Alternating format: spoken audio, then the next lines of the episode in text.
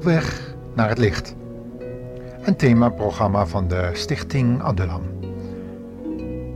Deze keer, beste luisteraar, willen we samen nadenken over de noodzaak om verzegeld te worden met de Heilige Geest. Dat is een thema wat behandeld wordt door de apostel Paulus in Efeze 1, vers 13. Dus de noodzaak om verzegeld te worden met de Heilige Geest.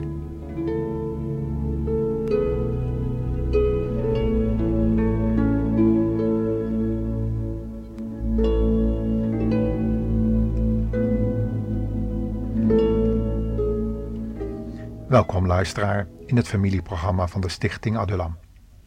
Heeft u wel eens nagedacht over het verschil tussen geloven met je verstand en geloven met je hart? Daar is een hele wereld van verschil tussen. Laten we om te beginnen eens vaststellen dat de meeste mensen op onze eilanden zeggen te geloven in God en in Jezus Christus. Op zijn minst gelovende mensen op basis van verstandelijke overwegingen. Mede onder invloed van opvoeding natuurlijk, kerkelijke gewoonten en gevoelsmatige indrukken. Zulke feiten zijn gewoon niet weg te denken op de, met name de Antillen, de Caribië, maar ook het Amerikaanse, Afrikaanse en Indische vasteland en de Indonesische eilanden. Maar laten we de geschiedenis van de gelovige Simon de tovenaar, zo genoemd door de arts Lucas, in het boek Handelingen eens lezen. Het staat beschreven in Handelingen 8, vers 4 tot 25, waar we de evangelist Filippus en de apostel Petrus aan het werk zien. Velen waren door hun arbeid tot geloof in Jezus Christus gekomen. Wonderen en tekenen waren gezien en hadden velen overtuigd dat die gekruisigde Jezus van Nazareth inderdaad op een wonderbaarlijke manier zijn opstandingskracht moest hebben meegedeeld aan zijn gelovige volgelingen. Maar dan zien we tussen al die tot geloof gekomen mensen plotseling ook een tovenaar. Laten we het verhaal van Lucas eens op de voet volgen. In de stad Samaria woonde een zekere Simon, die zich al langere tijd met toverij bezighield en daarmee alle Samaritanen tot verbazing bracht. Hij deed erg gewichtig en zei van zichzelf dat hij een groot man was. En omdat hij de mensen een hele tijd met allerlei toverkunsten had verbaasd, hielden zij zich aan hen wat hij zei, zowel groot als klein. Deze man is geweldig, werd er gezegd. Gods kracht is in hem. Maar dat veranderde toen Filippus kwam. Hij vertelde hun over het koninkrijk van God en over Jezus Christus. De mensen geloofden hem en lieten zich dopen, zowel mannen als vrouwen. Zelfs Simon geloofde wat Filippus zei en liet zich ook dopen. Hij liep steeds achter Filippus aan en viel van de ene verbazing in de andere, door die wonderlijke dingen die hij voor zijn ogen zag gebeuren.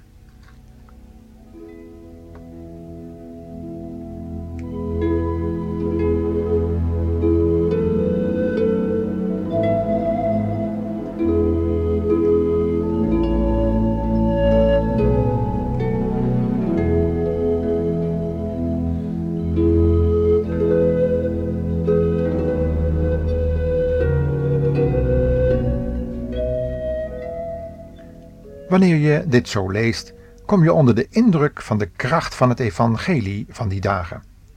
Wonderen en tekenen begeleiden de predikers van die dagen precies zoals Jezus het had voorspeld. Laten we nog eens lezen wat hij had gezegd bij zijn afscheid. Zij die geloven, zullen deze tekenen volgen. In mijn naam zullen zij duivels uitwerpen, met nieuwe talen zullen zij spreken, slangen zullen zij opnemen, en als ze iets dodelijks zullen drinken, zal het hun niet schaden. Op zieken zullen ze de handen leggen, en zij zullen gezond worden. Zo gebeurde het ook onder Simons ogen. En hij dacht verbaasd: Als ik ook deze macht ontvang, zullen de mensen mij nog meer vereren en groot maken. Precies zoals zij nu die Jezus van Nazareth en deze evangelist doen. En hier moeten we elkaar even recht in de ogen kijken, luisteraar. Hoe zit dat eigenlijk met uw geloof? Wat voor soort geloof hebt u?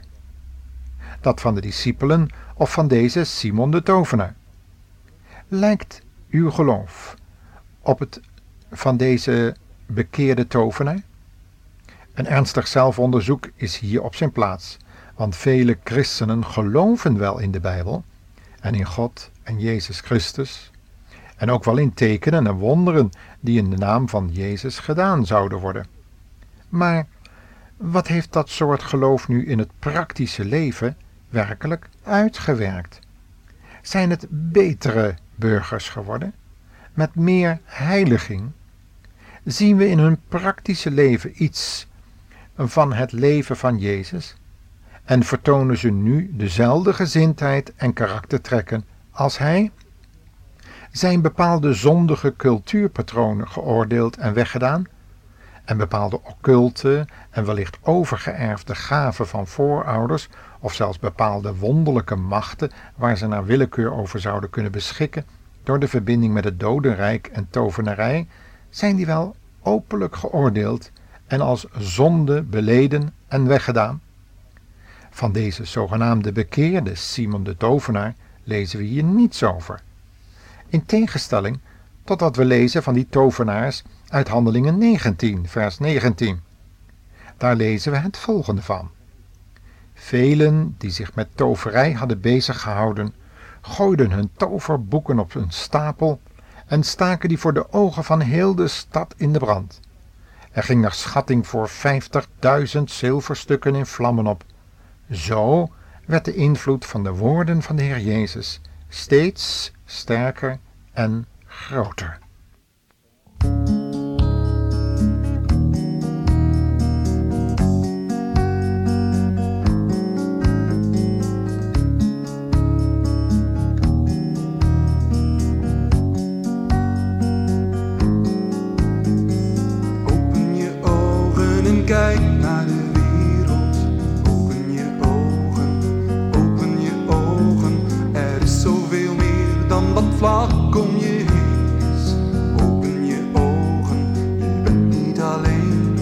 Zijn vaak zo druk met ons leven.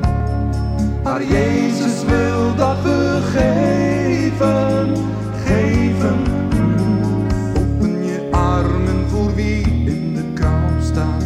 Open je armen, open je armen. Want jij hebt het licht, daarom komt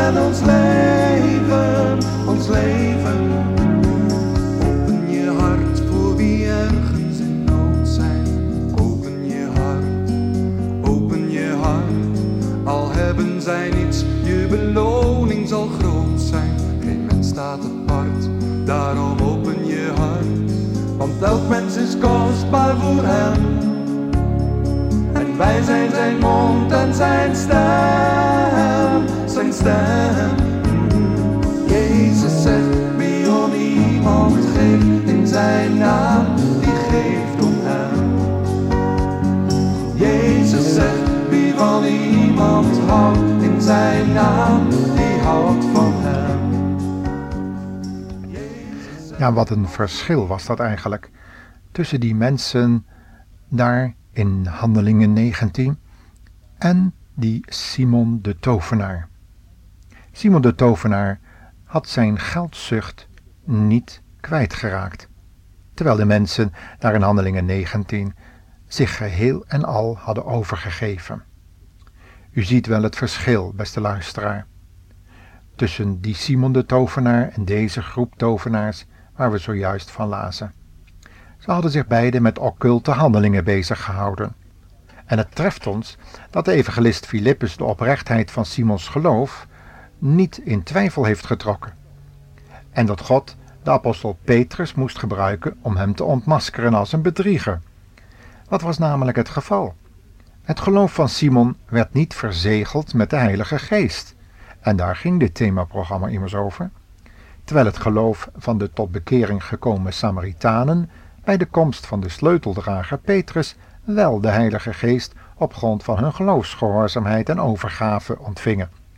En dat is precies wat Paulus later zou schrijven in Efeze 1, vers 13: dat we door het geloof in Gods woord verzegeld zijn geworden door de Heilige Geest van de belofte. En door gehoorzaamheid, schrijft Lucas in Handelingen 5, vers 32, hebben wij de Heilige Geest ontvangen als het zegel van God. Daarom kon Petrus hen de christelijke gemeente binnenleiden na hun doop tot de naam van Jezus, zodat ook deze Samaritanen gedoopt waren door de Heilige Geest tot één lichaam.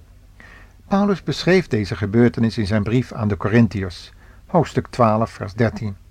Deze hadden in hun geval zonder handoplegging, maar op grond van hun geloofsgehoorzaamheid de Heilige Geest ontvangen en waren zo tot één lichaam gedoopt. Luister maar wat hij van die Corinthiërs zegt. Want de Geest heeft ons allemaal door de doop tot één lichaam samengevoegd, het lichaam van Christus. U ziet wat dat hier de doop met of door de Heilige Geest bedoeld wordt. En het is duidelijk uit wat we al noemden Efeze 1 vers 13. Daar staat dat we slechts door geloof en gehoorzaamheid de Heilige Geest kunnen ontvangen. Petrus heeft de hem toevertrouwde sleutels slechts tweemaal behoeven te gebruiken. Eenmaal in dit gedeelte bij de Samaritanen en de tweede maal, maar dan zonder handoplegging, bij die heidenen waarin hij hartelijk welkom was geheten. En die officier met zijn soldaten, dat was in Handelingen 10. Die kwamen door, tot geloof eenvoudig door het luisteren naar de evangelieboodschap. Door de waterdoop gaven zij getuigenis dat zij door hun openlijke beleidenis van zonde en hun bekering van het oude leven opnieuw wilden beginnen, door de Heer Jezus en zijn woord nu voortaan te gehoorzamen, hij met zijn hele huis. En mag ik u nu hetzelfde vragen als Paulus deed, luisteraar? Hebt u de Heilige Geest ontvangen toen u tot geloof kwam? Of mist u die zekerheid nog? Misschien is er een gebrek aan totale overgave en verbrokenheid van geest. Paulus schreef daarover in Galaten 2, vers 20. Hij zegt: Ik ben met Christus gekruisigd en ik leef niet meer. Wat ik nu nog in het vlees leef, dat leef ik door het geloof in de Zoon van God, die mij heeft liefgehad en zich voor mij heeft overgegeven. Geloven doen de meeste vrome mensen op deze eilanden, maar het soort geloof dat verzegeld wordt door Gods geest heeft dus alles met overgave te maken. Totale verbrokenheid. Met het afleggen van zondige levenspraktijken. Als u bedenkt wat de Heer Jezus allemaal heeft moeten afleggen om ons zondaren en vijanden van het kruis van Christus te zaligen, dan moet het toch niet zo moeilijk zijn om ons oude, eigen, zondige leven af te leggen, openlijk te oordelen, om zo het nieuwe leven door geloof, bekering en wedergeboorte uit genade te ontvangen en het dan ook weer door te mogen geven aan anderen. Jezus zegt, als je iemand zoekt in zijn naam, dan zoek je, zegt hij, dan zoek je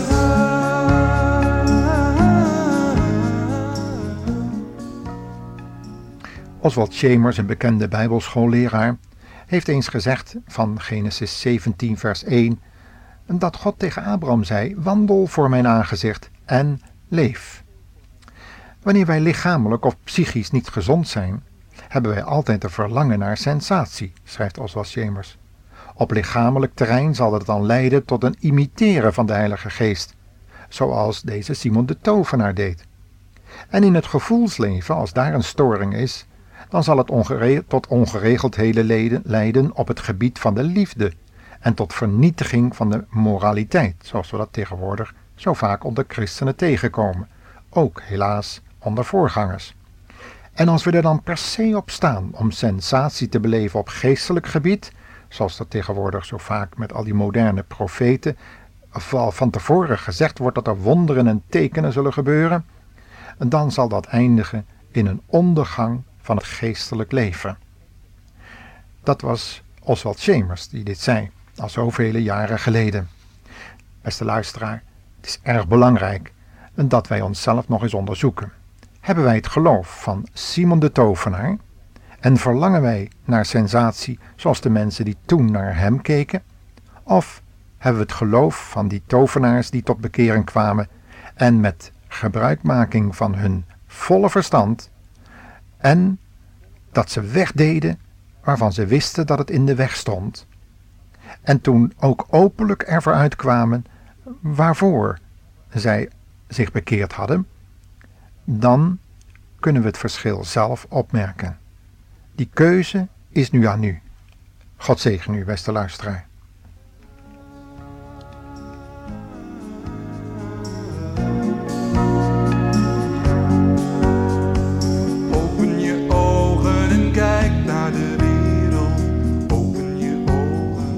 Elk is kostbaar voor.